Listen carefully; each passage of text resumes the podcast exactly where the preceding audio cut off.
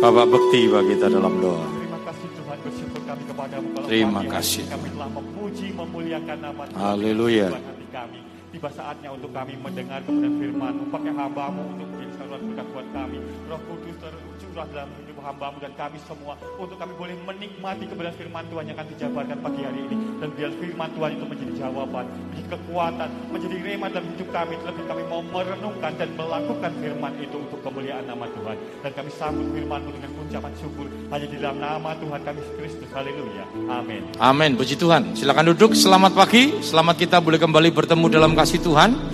Bapak yang sudah diberkati pagi yang indah ini. Amin. Allah yang kita sembah adalah Allah yang ajaib, yang luar biasa yang boleh menolong kita semua ya. Hari ini Idul Adha Saudara ya. Dua kali Idul Adhanya kemarin dari Muhammad Muhammadiyah ya. Hari ini adalah Idul Adha dari pemerintah ya. Tetap sukacita, kita memuji dan mempermuliakan Tuhan. Puji Tuhan di tengah-tengah kita ada hamba Tuhan Bapak Pendeta Filmar Manoi. Beliau melayani GPDI Ulu Jami ya, itu daerah eh, Pemalang ya yang boleh memberkati kita. Beliau satu angkatan bersama-sama dengan saya di Sekolah Alkitab Salatiga. Mari kita sama-sama menikmati firman Tuhan. Waktu dan tempat saya persilahkan.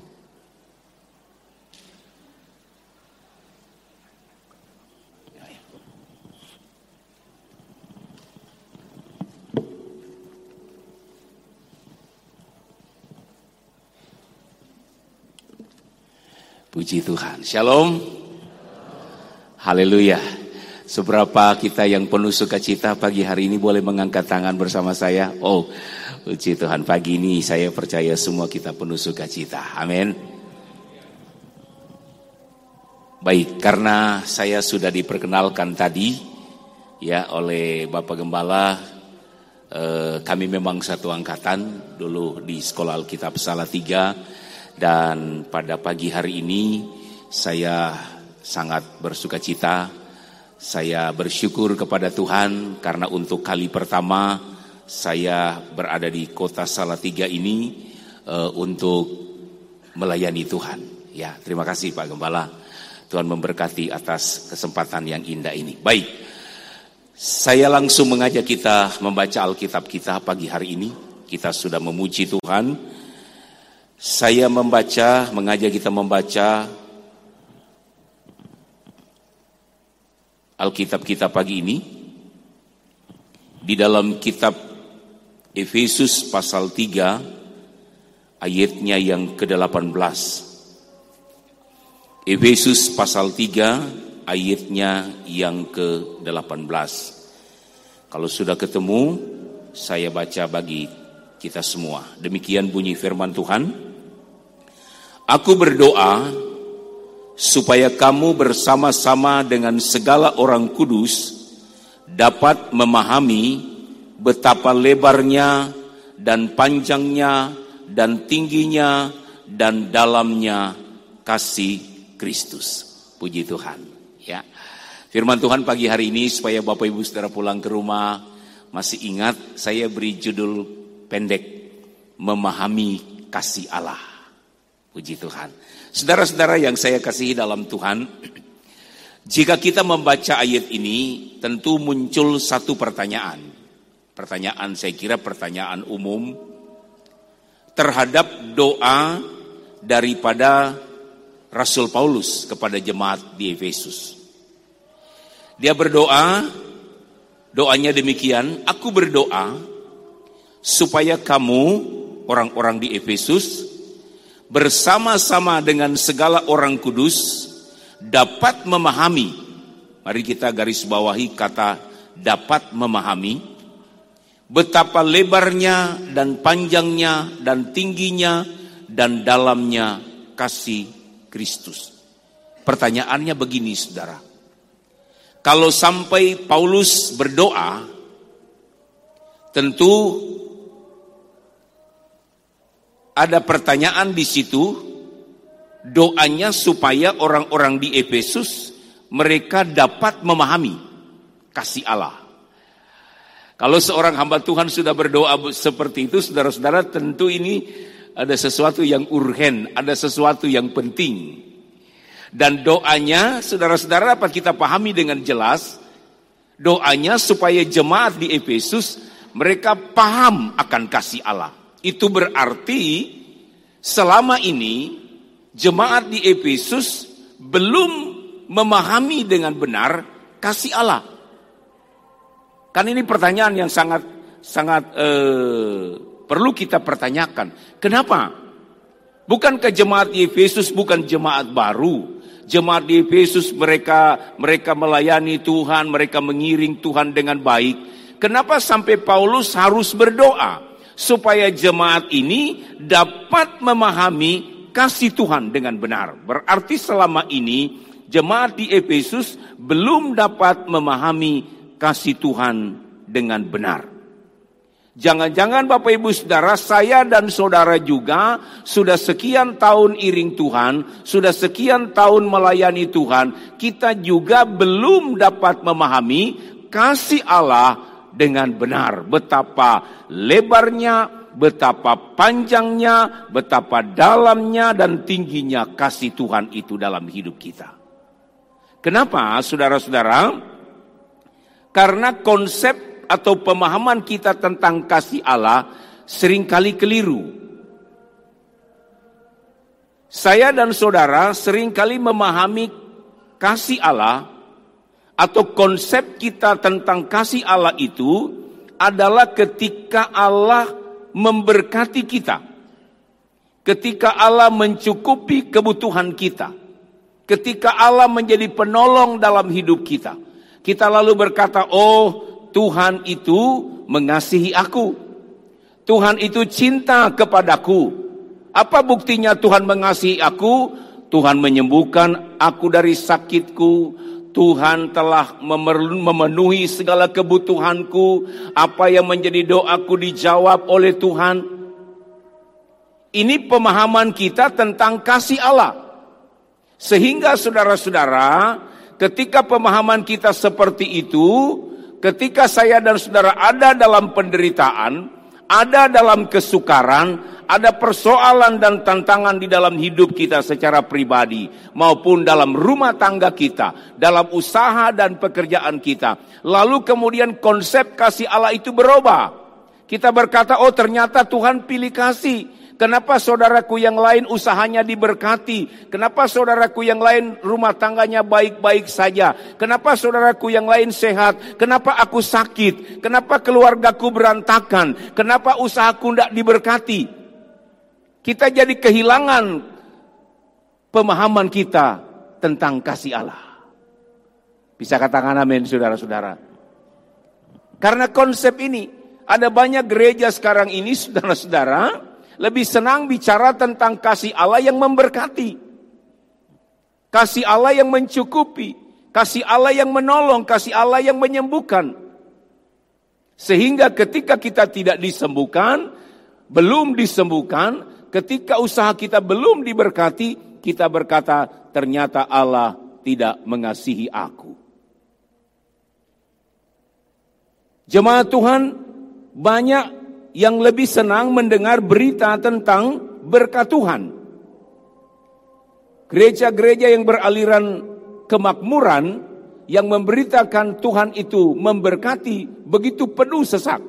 Saya pernah saudara-saudara pergi ke saya asalnya dari Sangihe Talaut dari Manado masih naik kapal lagi ke Pulau Sangihe. Saya asalnya dari sana, ya. Satu waktu saya eh, kembali ke tempat saya, istri saya dari Manado. Jadi satu waktu kami berdua pergi ke ke Manado. Nah saya melihat di sana saudara-saudara persaingan gereja begitu ketat. Ya. Dan merek-merek gereja saudara-saudara begitu banyak. Bahkan merek-merek gereja saudara kadang-kadang aneh-aneh. Ya.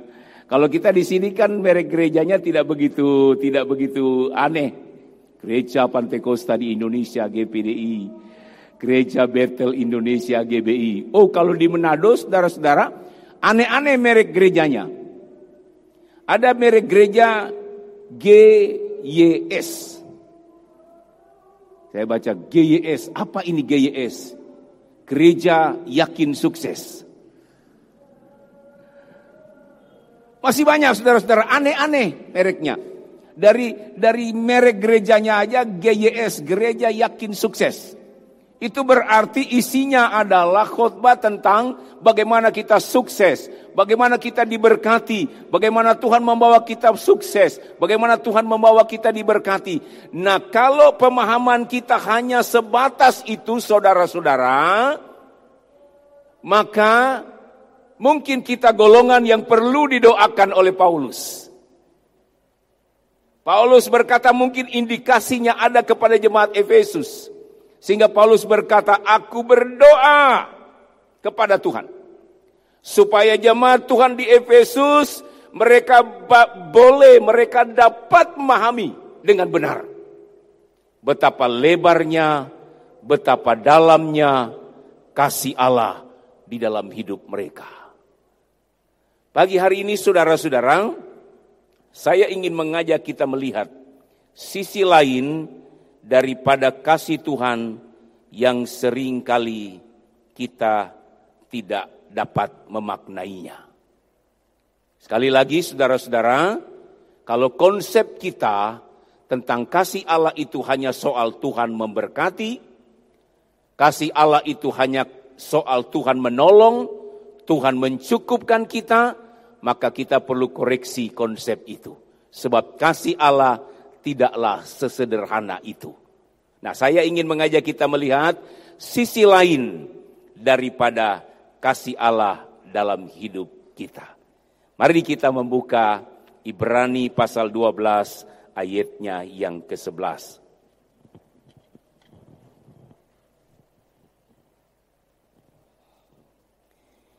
Ibrani 12 ayatnya yang ke-11. Saya baca Demikian bunyi firman Tuhan. Memang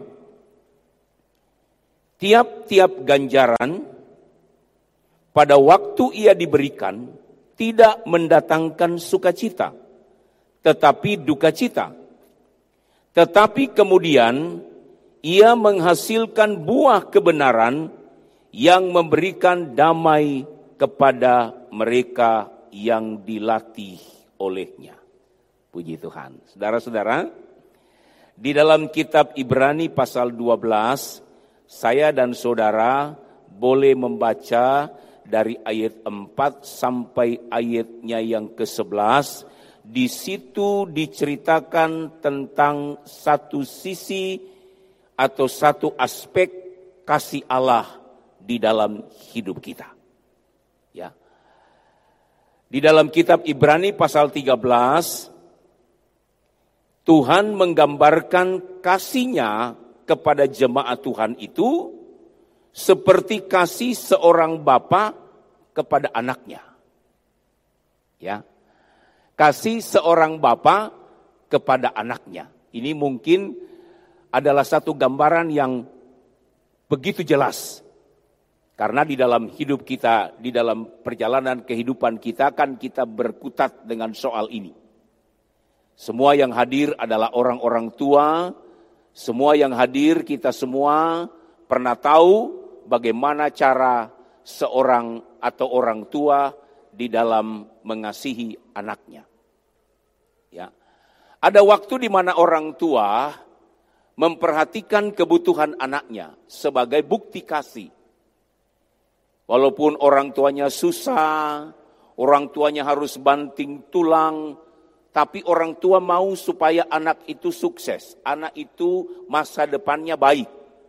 Sehingga dengan segala daya upaya orang tua mencukupkan apa yang menjadi keperluan anak. Saya punya anak satu masih kuliah di Jakarta. Saya sebagai seorang hamba Tuhan yang melayani di desa, tentu saudara-saudara menghadapi atau mencukupkan kebutuhan seorang anak yang sementara kuliah di tempat yang jauh tentu bukan hal yang mudah. Tetapi saya berupaya apa pun yang dia minta, apa pun yang dia perlukan baik dalam kehidupannya, eh, makan minumnya, apa yang menjadi tuntutan di dalam dia berkuliah, uang-uang yang dia perlukan untuk membiayai kuliahnya. Saya tetap berusaha sedemikian rupa dengan pertolongan Tuhan, supaya apa yang dia minta, apa yang dia perlukan, saya cukupkan. Itulah bukti bahwa saya sebagai orang tua mengasihi dia dengan sepenuh hati. Saya kira pun demikian kita, ya saudara-saudara. Tapi di sisi yang lain, saya sebagai uh, saya sebagai orang tua juga tidak membiarkan dia hidup hanya meminta dan menerima sesuatu dari saya untuk mencukupkan kebutuhannya. Saya sebagai orang tua punya satu kewajiban untuk mendidik dia untuk mendisiplinkan dia. Sebab jika anak itu ternyata satu waktu keliru, ternyata anak itu satu waktu tidak berjalan sesuai dengan keinginan saya, maka saya punya kewajiban untuk mendisiplinkan dia. Kenapa saya mendisiplinkan dia? Bukan karena saya kejam, bukan karena saya jahat. Saya mendisiplinkan anak saya karena saya mengasihi dia. Satu waktu saya tahu dia memerlukan uh, sesuatu, lalu kemudian saya memberikannya dan dia tidak memanfaatkan apa yang saya berikan dengan baik, maka saya mendisiplinkan dia. Sama seperti kasih Allah. Di dalam kitab Ibrani pasal 12 ayat 1 tadi, pendisiplinan Tuhan itu dikatakan di situ sebagai bentuk ganjaran. Saya baca sekali lagi. Memang tiap-tiap ganjaran pada waktu ia diberikan tidak mendatangkan sukacita, tetapi duka cita. Tetapi kemudian ia menghasilkan buah kebenaran yang memberikan damai kepada mereka yang dilatihnya. Jadi kadang-kadang Tuhan memberikan pendisiplinan dalam hidup kita. Sesuatu yang tidak berkenan, tidak enak kita dapati. Sesuatu yang membuat kita menderita. Sesuatu yang membuat kita susah. Tuhan izinkan itu terjadi dalam hidup kita sebagai bentuk pendisiplinan dalam hidup kita. Saya punya anak kedua, saudara-saudara, laki-laki. Dia sudah selesai SMK. Lalu kemudian dia uh, bilang pada saya, Pak saya mau kerja. Oh saya bilang bagus. Kalau gitu kalau kamu punya niat untuk langsung mau kerja, nanti papa bantu. Kamu, papa cariin barangkali ada kenalan-kenalan papa yang membutuhkan uh, tenaga untuk kamu bekerja, uh, nanti papa usahakan. Lalu kemudian saya punya kenalan, Kebetulan dia mau buka toko baru, supplier uh, bawang.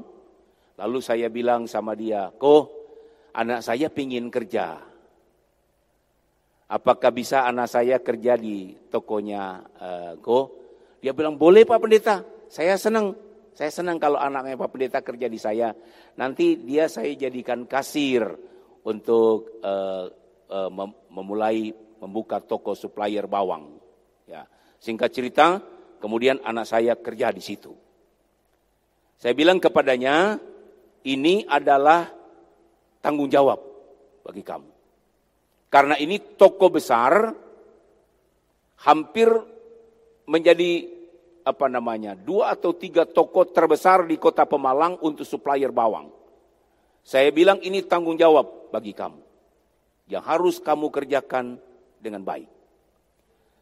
Singkat cerita saudara-saudara, satu waktu anak ini bikin kesalahan. Anak ini bikin kesalahan. Dia pergi keluar kota bersama dengan temannya. Memang waktu itu libur, tokonya tutup. Lalu dia diajak temannya uh, touring. Ya, saya pikir paling satu hari nanti dia pulang. Ternyata bersama-sama dengan temannya dua hari Padahal tokonya itu besoknya buka. Dia nggak ada dan tidak memberi kabar. Waduh, Lalu kemudian yang punya toko telepon kepada saya, Pak Pendeta bagaimana ini ya? Kok si namanya Christian? Kok Christian gak masuk? Loh, saya bilang dia kan pergi dengan teman-temannya, katanya touring ke kota tua, kota lama Semarang. Kenapa kok gak pulang-pulang? Uh, dia bilang gimana ini terus Pak Pak Pak Pendeta? Saya bilang terserah, kok terserah. Kita uh, apa namanya? kita apa namanya nasihati dia ya Pak Pendeta. Kita nasihati dulu dia ya supaya dia jangan mengulangi. Saya bilang lebih baik begini. Ya, supaya dia sadar akan kesalahannya didisiplinkan aja. Ya. Didisiplinkan aja. Panggil dia baik-baik lalu bilang kamu untuk sementara diistirahatkan. Singkat cerita, saudara-saudara dia dipanggil oleh bosnya, lalu kemudian dinasehatkan, didisiplinkan, kamu untuk sementara tidak usah masuk kerja. Waduh. Ketika dia menerima berita itu, saudara-saudara, dia menangis. Dia rasa kesalahannya kecil. Dia rasa tidak pantas untuk dia menerima uh, hukuman ganjaran seperti itu. Tapi ini bentuk pendisiplinan dalam hidupnya. Memang tidak mengenakan, tidak menyenangkan Bapak Ibu Saudara-saudara. Ya.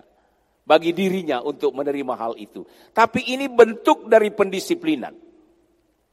Dan saya percaya Tuhan pun begitu dalam hidup kita. Ada waktunya Tuhan memberkati kita. Ada waktunya Tuhan mengizinkan apa yang menjadi keperluan kita dicukupkan oleh Tuhan. Itu bentuk kasih Allah dalam hidup kita. Ada juga waktunya saudara-saudara, dia mendisiplinkan kita. Kalau saya dan saudara dalam perjalanan kehidupan kita ada hal-hal yang tidak menyenangkan Tuhan. Ada perbuatan kita, ada pikiran kita, ada tingkah laku kita yang mungkin tidak berkenan kepada Tuhan. Kadang-kadang Tuhan mendisiplinkan kita. Tuhan izinkan sesuatu yang tidak menyenangkan itu terjadi dalam hidup kita. Tuhan izinkan sesuatu yang membuat kita menderita. Tuhan izinkan sesuatu yang mengoreksi hidup kita. Itu adalah bentuk pendisiplinan pendisiplinan Tuhan dalam hidup kita. Nah, kalau kita tidak sadar, kalau kita tidak mengerti itu adalah bentuk pendisiplinan Tuhan. Ada banyak anak Tuhan yang kemudian tinggalkan Tuhan. Wah, Tuhan tidak mengasihi aku. Nyatanya orang lain diberkati, saya masih susah. Orang lain tokonya maju, saya tokonya bangkrut. Orang lain sehat, saya susah. Orang lain anaknya sukses, anak saya sekarang dalam keadaan tidak baik-baik saja. Kita menganggap bahwa Tuhan pilih kasih. Padahal mungkin saudara-saudara kesulitan, kesusahan, permasalahan yang terjadi dalam hidup kita itu adalah bentuk kasih Allah. Coba kita baca satu ayat. Wahyu pasal 3 ayatnya yang ke-19. Wahyu pasal 3 ayatnya yang ke-19. Demikian bunyi firman Tuhan. Barang siapa kukasihi, ia kutegur dan kuhajar. Sebab itu relakanlah hatimu dan bertobatlah. Ini ayat luar biasa saudara-saudara. Ya. Ini adalah bentuk pendisiplinan Tuhan dalam hidup kita. Kadang-kadang dia izinkan, dia berikan kepada saya dan saudara ganjaran. Dia berikan kepada saya dan saudara tantangan kesulitan masalah. Memang waktu pendisiplinan itu diberikan, itu tidak mendatangkan sukacita bagi kita. Sejenak mungkin itu menyusahkan kita. Tapi yang namanya pendisiplinan Tuhan, ayatnya yang ke-11 tadi kita baca sekali lagi, memang tiap-tiap ganjaran pada waktu ia diberikan tidak mendatangkan sukacita, tetapi duka cita. Tetapi kemudian ia menghasilkan buah kebenaran yang memberikan damai kepada mereka yang dilatih olehnya. Ya. Jadi pagi hari ini kita melihat bentuk kasih Allah dalam aspek yang berbeda. Ketika saya dan saudara dilatih oleh Tuhan, ketika saya dan saudara digembleng, diberikan pendisiplinan oleh Tuhan, memang waktu itu kita terima hal itu tidak menyenangkan daging kita. Kadang-kadang tidak mendatangkan sukacita bagi kita. Tetapi Wahyu pasal 3 tadi katakan, seharusnya ketika Tuhan mendisiplinkan kita, saya dan saudara haruslah jadi orang yang berbahagia. Kenapa? Karena ketika Tuhan mendisiplinkan kita, ketika Tuhan izinkan ada ganjaran terjadi dalam hidup kita, ada kesulitan, ada masalah, ada tantangan sebagai bentuk teguran Tuhan dalam hidup kita, itu buktinya Tuhan sedang mengasihi kita. Tuhan sedang memperhatikan kita. Sebab kalau Tuhan tidak memperhatikan kita, saudara, kalau kita baca di dalam Ibrani pasal 4 ayat 11, kita bukan anak-anak yang dikasihinya. Kita adalah anak-anak gampangan. Kalau saya dan saudara punya anak, kita nasihati nak, jangan begitu ya. Kalau kamu begini, nanti kamu dapat ini-ini. Kita sudah nasihati sekali, dia nggak mau dengar. Kita nasihati lagi dua kali. Nah, kalau kamu nggak ikut, nanti papa kasih ini kamu. Dia nggak dengar lagi. Tiga kali, empat kali kita nasihati, dia nggak dengar lagi. Akhirnya kita bilang, nah, sudah. Kalau kamu sudah nggak dengar orang tua, terserah kamu. Terserah kamu. Orang tua sudah kehilangan kesabaran untuk menasehatinya, lalu kemudian anak itu dibiarkan begitu saja. Itu disebut dengan anak-anak gampangan, anak-anak yang tidak diperhatikan lagi. Nah kita saudara-saudara jangan sampai menjadi anak-anak yang tidak diperhatikan lagi. Selama saya dan saudara masih diberikan pendisiplinan Tuhan, Selama saya dan saudara masih diberi ganjaran yang kadang-kadang mendatangkan duka cita, tidak menyenangkan kita. Pagi hari ini kita berkata terima kasih Tuhan. Kalau Tuhan masih izinkan itu terjadi dalam hidupku, itu berarti Tuhan masih mengasihi aku. Bisa katakan amin saudara? Ya, kita tidak jadi anak Tuhan yang gampang kecewa. Kita tidak jadi anak Tuhan yang gampang mutung. Kenapa? Kita melihat sekeliling kita tidak sesuai dengan harapan kita. Lalu kita berkata, oh, lalu kita berkata, oh Tuhan tidak mengasihi aku. Orang lain diberkati, orang lain sukses, orang lain doanya dijawab oleh Tuhan. Saya kok tidak ya, doa saya belum dijawab-jawab oleh Tuhan. Apa pun yang menjadi kebutuhan saya kok belum dicukupi oleh Tuhan. Perhatikan baik-baik saudara, barangkali Tuhan sedang mendisiplinkan kita. Barangkali Tuhan sedang melatih saya dan saudara. Barangkali Tuhan sedang mengizinkan sesuatu terjadi atas hidup kita. Karena itu adalah bentuk kasih Allah yang besar bagi kita semua. Saya teringat satu cerita, saudara-saudara. Saya nggak tahu apakah saudara pernah mendengar cerita ini. Cerita ini adalah cerita tentang seorang pengusaha besar namanya Horatio Spafford. Ya. Horatio ini adalah seorang anak Tuhan yang sangat-sangat uh, mengiring Tuhan dengan sungguh-sungguh. Dia punya uh, dia di Amerika punya usaha properti dan berbagai macam bidang usaha itu diberkati Tuhan dengan luar biasa. Pada zaman itu, saya membaca artikel ini, pada zaman itu dia adalah seorang pengusaha yang sangat-sangat diberkati Tuhan karena dia takut akan Tuhan. Dia punya anak, satu laki-laki dan empat orang wanita. Anak satu-satunya ini yang dia gadang-gadangkan, yang dia rencanakan untuk meneruskan bisnis keluarganya. Apa yang terjadi saudara-saudara?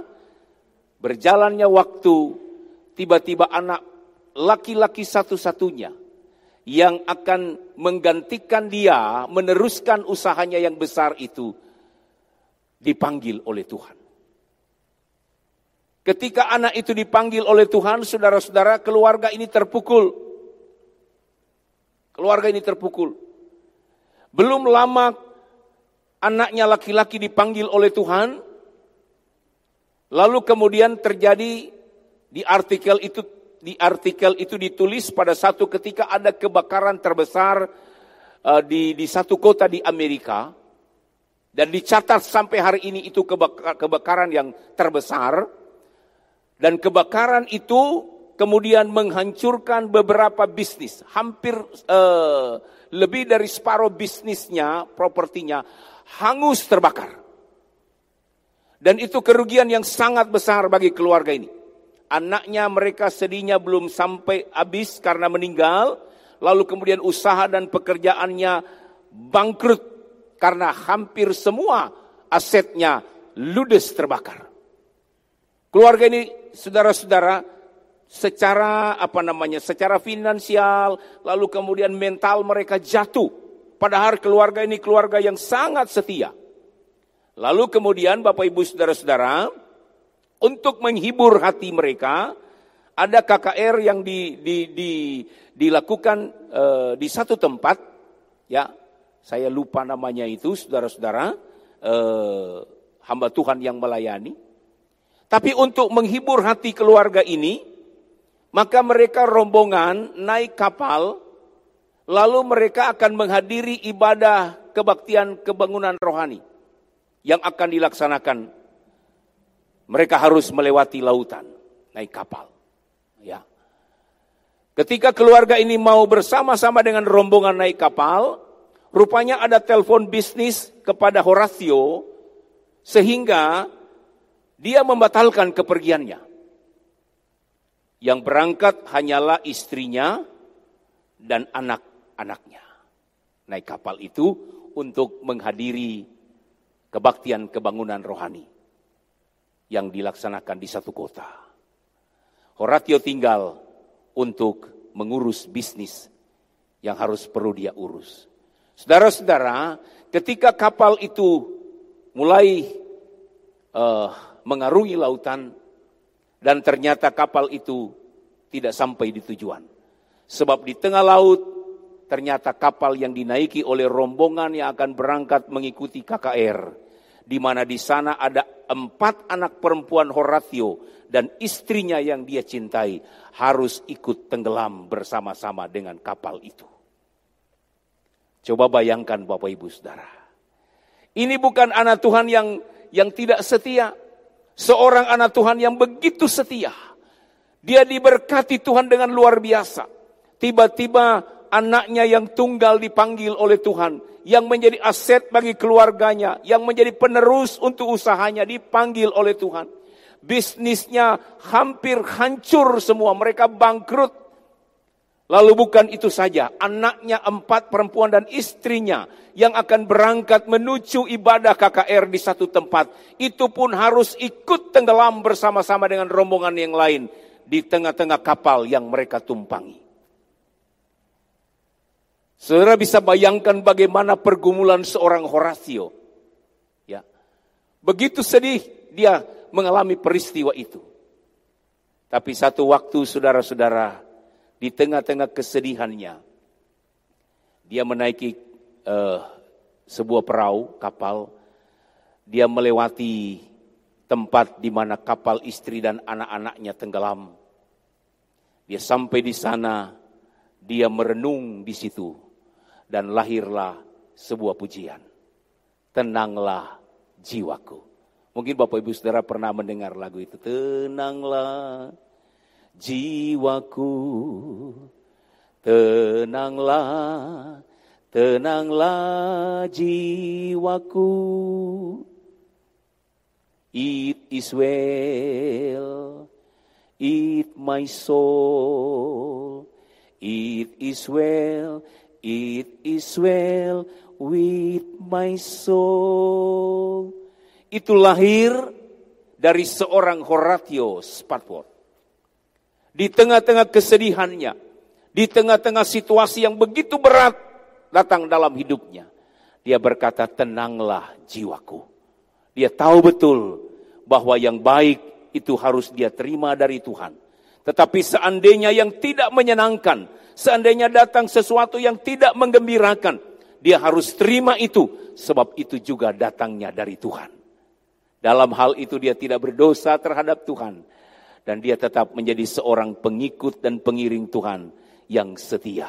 Dia bisa menyadari dengan betul bahwa kasih Allah itu sewaktu-waktu bisa mendatangkan sukacita. Sewaktu-waktu bisa mendatangkan kebahagiaan. Tapi di sisi lain, kasih Allah mendisiplinkan hidup kita. Kasih Allah memberikan ganjaran kepada kita. Supaya saya dan saudara berjalan dalam trek yang benar. Menyenangkan hati Tuhan. Itu juga adalah bentuk kasih Allah dalam hidup kita. Bisa katakan amin saudara? Tuhan Yesus memberkati. Mungkin ini yang dapat saya sampaikan pagi hari ini kepada kita. Saya tidak tahu apa yang sedang saudara hadapi pagi ini. Saya tidak tahu. Tapi saya yakin dan percaya. Ada yang datang pagi hari ini mungkin bersuka cita dan berkata Tuhan terima kasih. Engkau beri aku sehat, engkau beri aku keluarga yang harmonis, engkau berkati usahaku, engkau berkati doa-doaku. Aku datang pagi hari ini bersyukur sebab engkau baik bagiku. Tapi saya yakin ada juga yang datang pagi hari ini dan berkata Tuhan bagaimana dengan diriku? Tuhan bagaimana dengan keluargaku? Tuhan aku sudah nggak bisa lagi mendidik anakku. Ini apa yang harus aku lakukan? Mana kasih Allah dalam hidupku? Pagi hari ini mari kita introspeksi bersama. Baik yang menyenangkan datang dalam hidup kita. Yang membuat kita bersuka cita. Mari kita katakan terima kasih Tuhan engkau baik bagiku. Tapi seandainya pagi hari ini ada sesuatu yang mendatangkan duka cita. Ada sesuatu yang tidak menyenangkan yang harus kita hadapi ada sesuatu yang tidak sesuai dengan keinginan kita. Ingat baik, dia adalah Bapa yang mengasihi kita. Kita adalah anak-anak yang dikasihinya. Sewaktu dia memberikan disiplin dalam hidup kita, bukan berarti dia mau menciderai kita. Sewaktu dia mengizinkan duka cita, bukan berarti dia tidak sayang kepada saya dan saudara. Tapi itu bentuk kasih sayang dalam hidup kita. Dan satu waktu duka cita itu dia akan gantikan dengan berkat yang besar. Dengan sukacita yang besar karena dia mengasihi saya dan saudara. Tuhan memberkati kita semua pagi ini.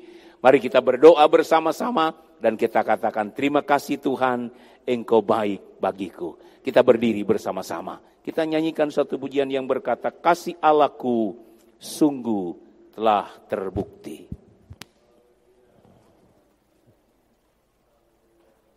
Haleluya.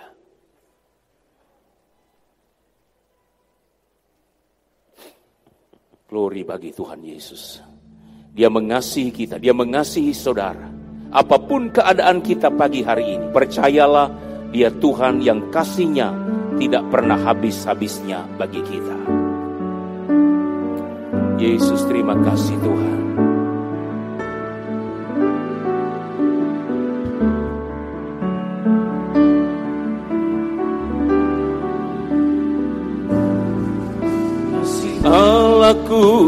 Sungguh telah terbukti.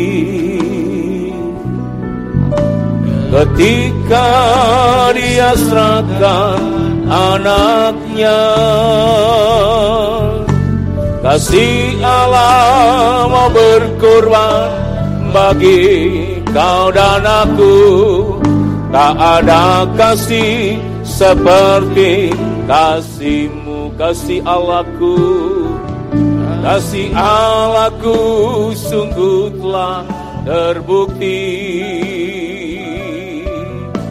Ketika dia serahkan anaknya Kasih Allah berkorban bagi kau dan aku Tak ada kasih seperti kasih bersyukur, bersyukur. Haleluya. Lah bersyukur kasih setiamu ku sembah, ku sembah, ku sembah, ku sembah dan ku sembah selama hidupku ku sembah kau Tuhan kasih Allahku Haleluya. Kasih Allahku sungguh telah terbukti. Ketika dia serahkan anaknya kasih Allah mau berkorban bagi kau dan aku. Tak ada kasih seperti kas bersyukur bersyukur bersyukur bersyukur. Lah bersyukur karena kasih setiamu. Ku sembah, ku sembah, ku sembah dan ku sembah selama hidupku ku sembah kau Tuhan Saudara pagi hari ini saya ingin berdoa bagi kita Sekali lagi saya tidak tahu apa yang sedang engkau hadapi pagi ini Tapi saya yakin betul Firman Tuhan tidak pernah salah. Firman Tuhan selalu punya tempat dalam hati kita. Kalau engkau pagi hari ini sedang diberkati oleh Tuhan, bersyukurlah karena engkau anak yang dikasihi oleh Tuhan. Tuhan menjawab doamu, Tuhan memberkati usahamu, Tuhan membuat keluargamu menjadi keluarga yang diberkati. Pagi ini saatnya engkau bersyukur kepada Tuhan sebab dia baik. Tapi seandainya pagi hari ini engkau datang dengan kesusahan. Pagi ini engkau datang dengan pergumulan di mana doamu belum diberkati, dijawab oleh Tuhan. Pagi ini mungkin engkau sedang berkata, saya mulai kecewa kepada Tuhan. Pagi ini mungkin engkau berkata, sebentar lagi engkau mau tinggalkan Tuhan. Karena Tuhan tidak mengasihi aku. Kesusahan, persoalan datang silih berganti. Yang satu belum selesai, sudah datang masalah yang lain. Doa yang satu belum dijawab oleh Tuhan, sudah ada persoalan yang lain yang harus saya sampaikan kepada Tuhan. Firman Tuhan datang kepadamu pagi ini. Tuhan mengasihi engkau. Tuhan matanya sedang tertuju kepadamu. Coba kita koreksi. Mungkin Tuhan sedang mengizinkan ini terjadi ada rencana Tuhan, ada maksud Tuhan yang besar yang Tuhan mau berikan bagi kita. Mungkin Tuhan mendisiplinkan kita dengan caranya Tuhan, karena cara kita mungkin keliru. Memang waktu pendisiplinan itu diberikan, tidak mendatangkan sukacita, tapi duka cita. Tapi janji Tuhan bagi kita pagi ini, kalau saya dan saudara adalah anak-anaknya yang dikasihinya, dia tidak pernah tinggalkan kita. Itu sebabnya bersyukurlah. Baik engkau yang diberkati Tuhan. Baik engkau yang sudah sukses. Bersyukurlah. Engkau yang sedang ada dalam pergumulan. Engkau yang sedang ada dalam doa-doa. Yang sedang engkau panjatkan pagi ini. Mari kita bersyukur bersama-sama. Sebab dia adalah Allah yang mengasihi kita. Kita nyanyi sekali lagi pujian ini. Lalu saya akan berdoa. Engkau boleh mengangkat tangan di hadapan Tuhan. Sebagai penyerahanmu kepada Tuhan Bersyukur sebab dalam ucapan syukur ada berkat Tuhan dalam hidup kita. Kasih Allahku. Kasih Allahku sungguh telah terbukti ketika dia serahkan anaknya Kasih Allah berkorban bagi kau dan aku Tak ada kasih seperti kas sekali lagi kasih Allahku kasih Allahku segutlah terbukti. Amin. Haleluya. Haleluya. Oh amin. Kasih Allah mau berkorban bagi kau dan aku Tak ada kasih seperti. Mari sama-sama katakan bersyukur. Haleluya. Pagi ini kami mau bersyukur di hadapanmu ya Tuhan. Ini bentuk ucapan syukur kami. Apa pun yang terjadi dalam hidup kami kami harus tetap bersyukur sebab Engkau Allah mengasihi kami. Haleluya. Selama hidupku ku sembah. Sekali lagi katakan bersyukur. Amin.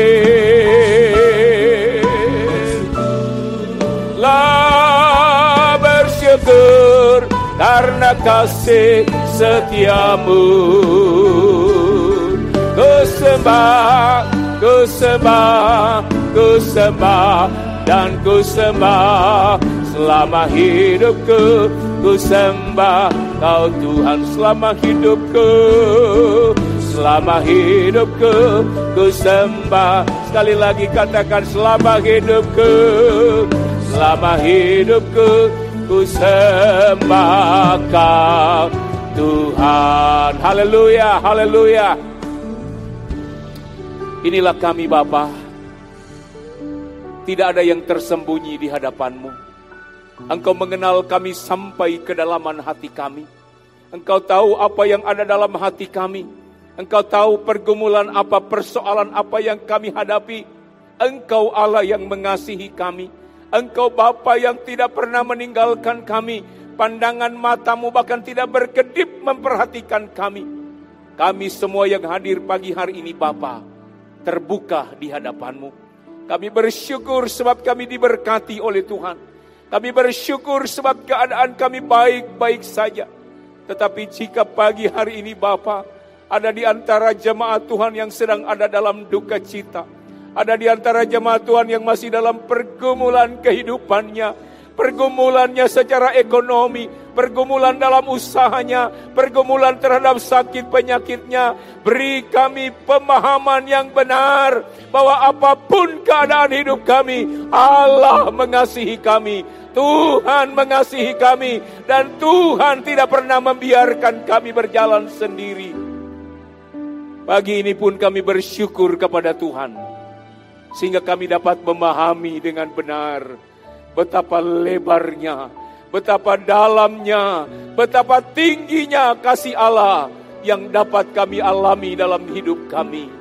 Terima kasih Tuhan, hambamu berhenti berbicara, tapi hamba-hamba yakin roh kudus ada di tengah kami. Kami akan pulang dengan satu pemahaman yang benar. Apa pun keadaan hidup kami, kami tetap adalah anak-anak yang dikasihi Allah. Tuhan tidak akan membiarkan berjalan sendiri, tapi Tuhan akan menolong dan memberkati kami. Di dalam nama Tuhan Yesus Kristus, kami berdoa, kami terima firman Tuhan pagi hari ini. Haleluya. Amin. Puji Tuhan, silakan duduk. Saya kembalikan kepada yang bertugas.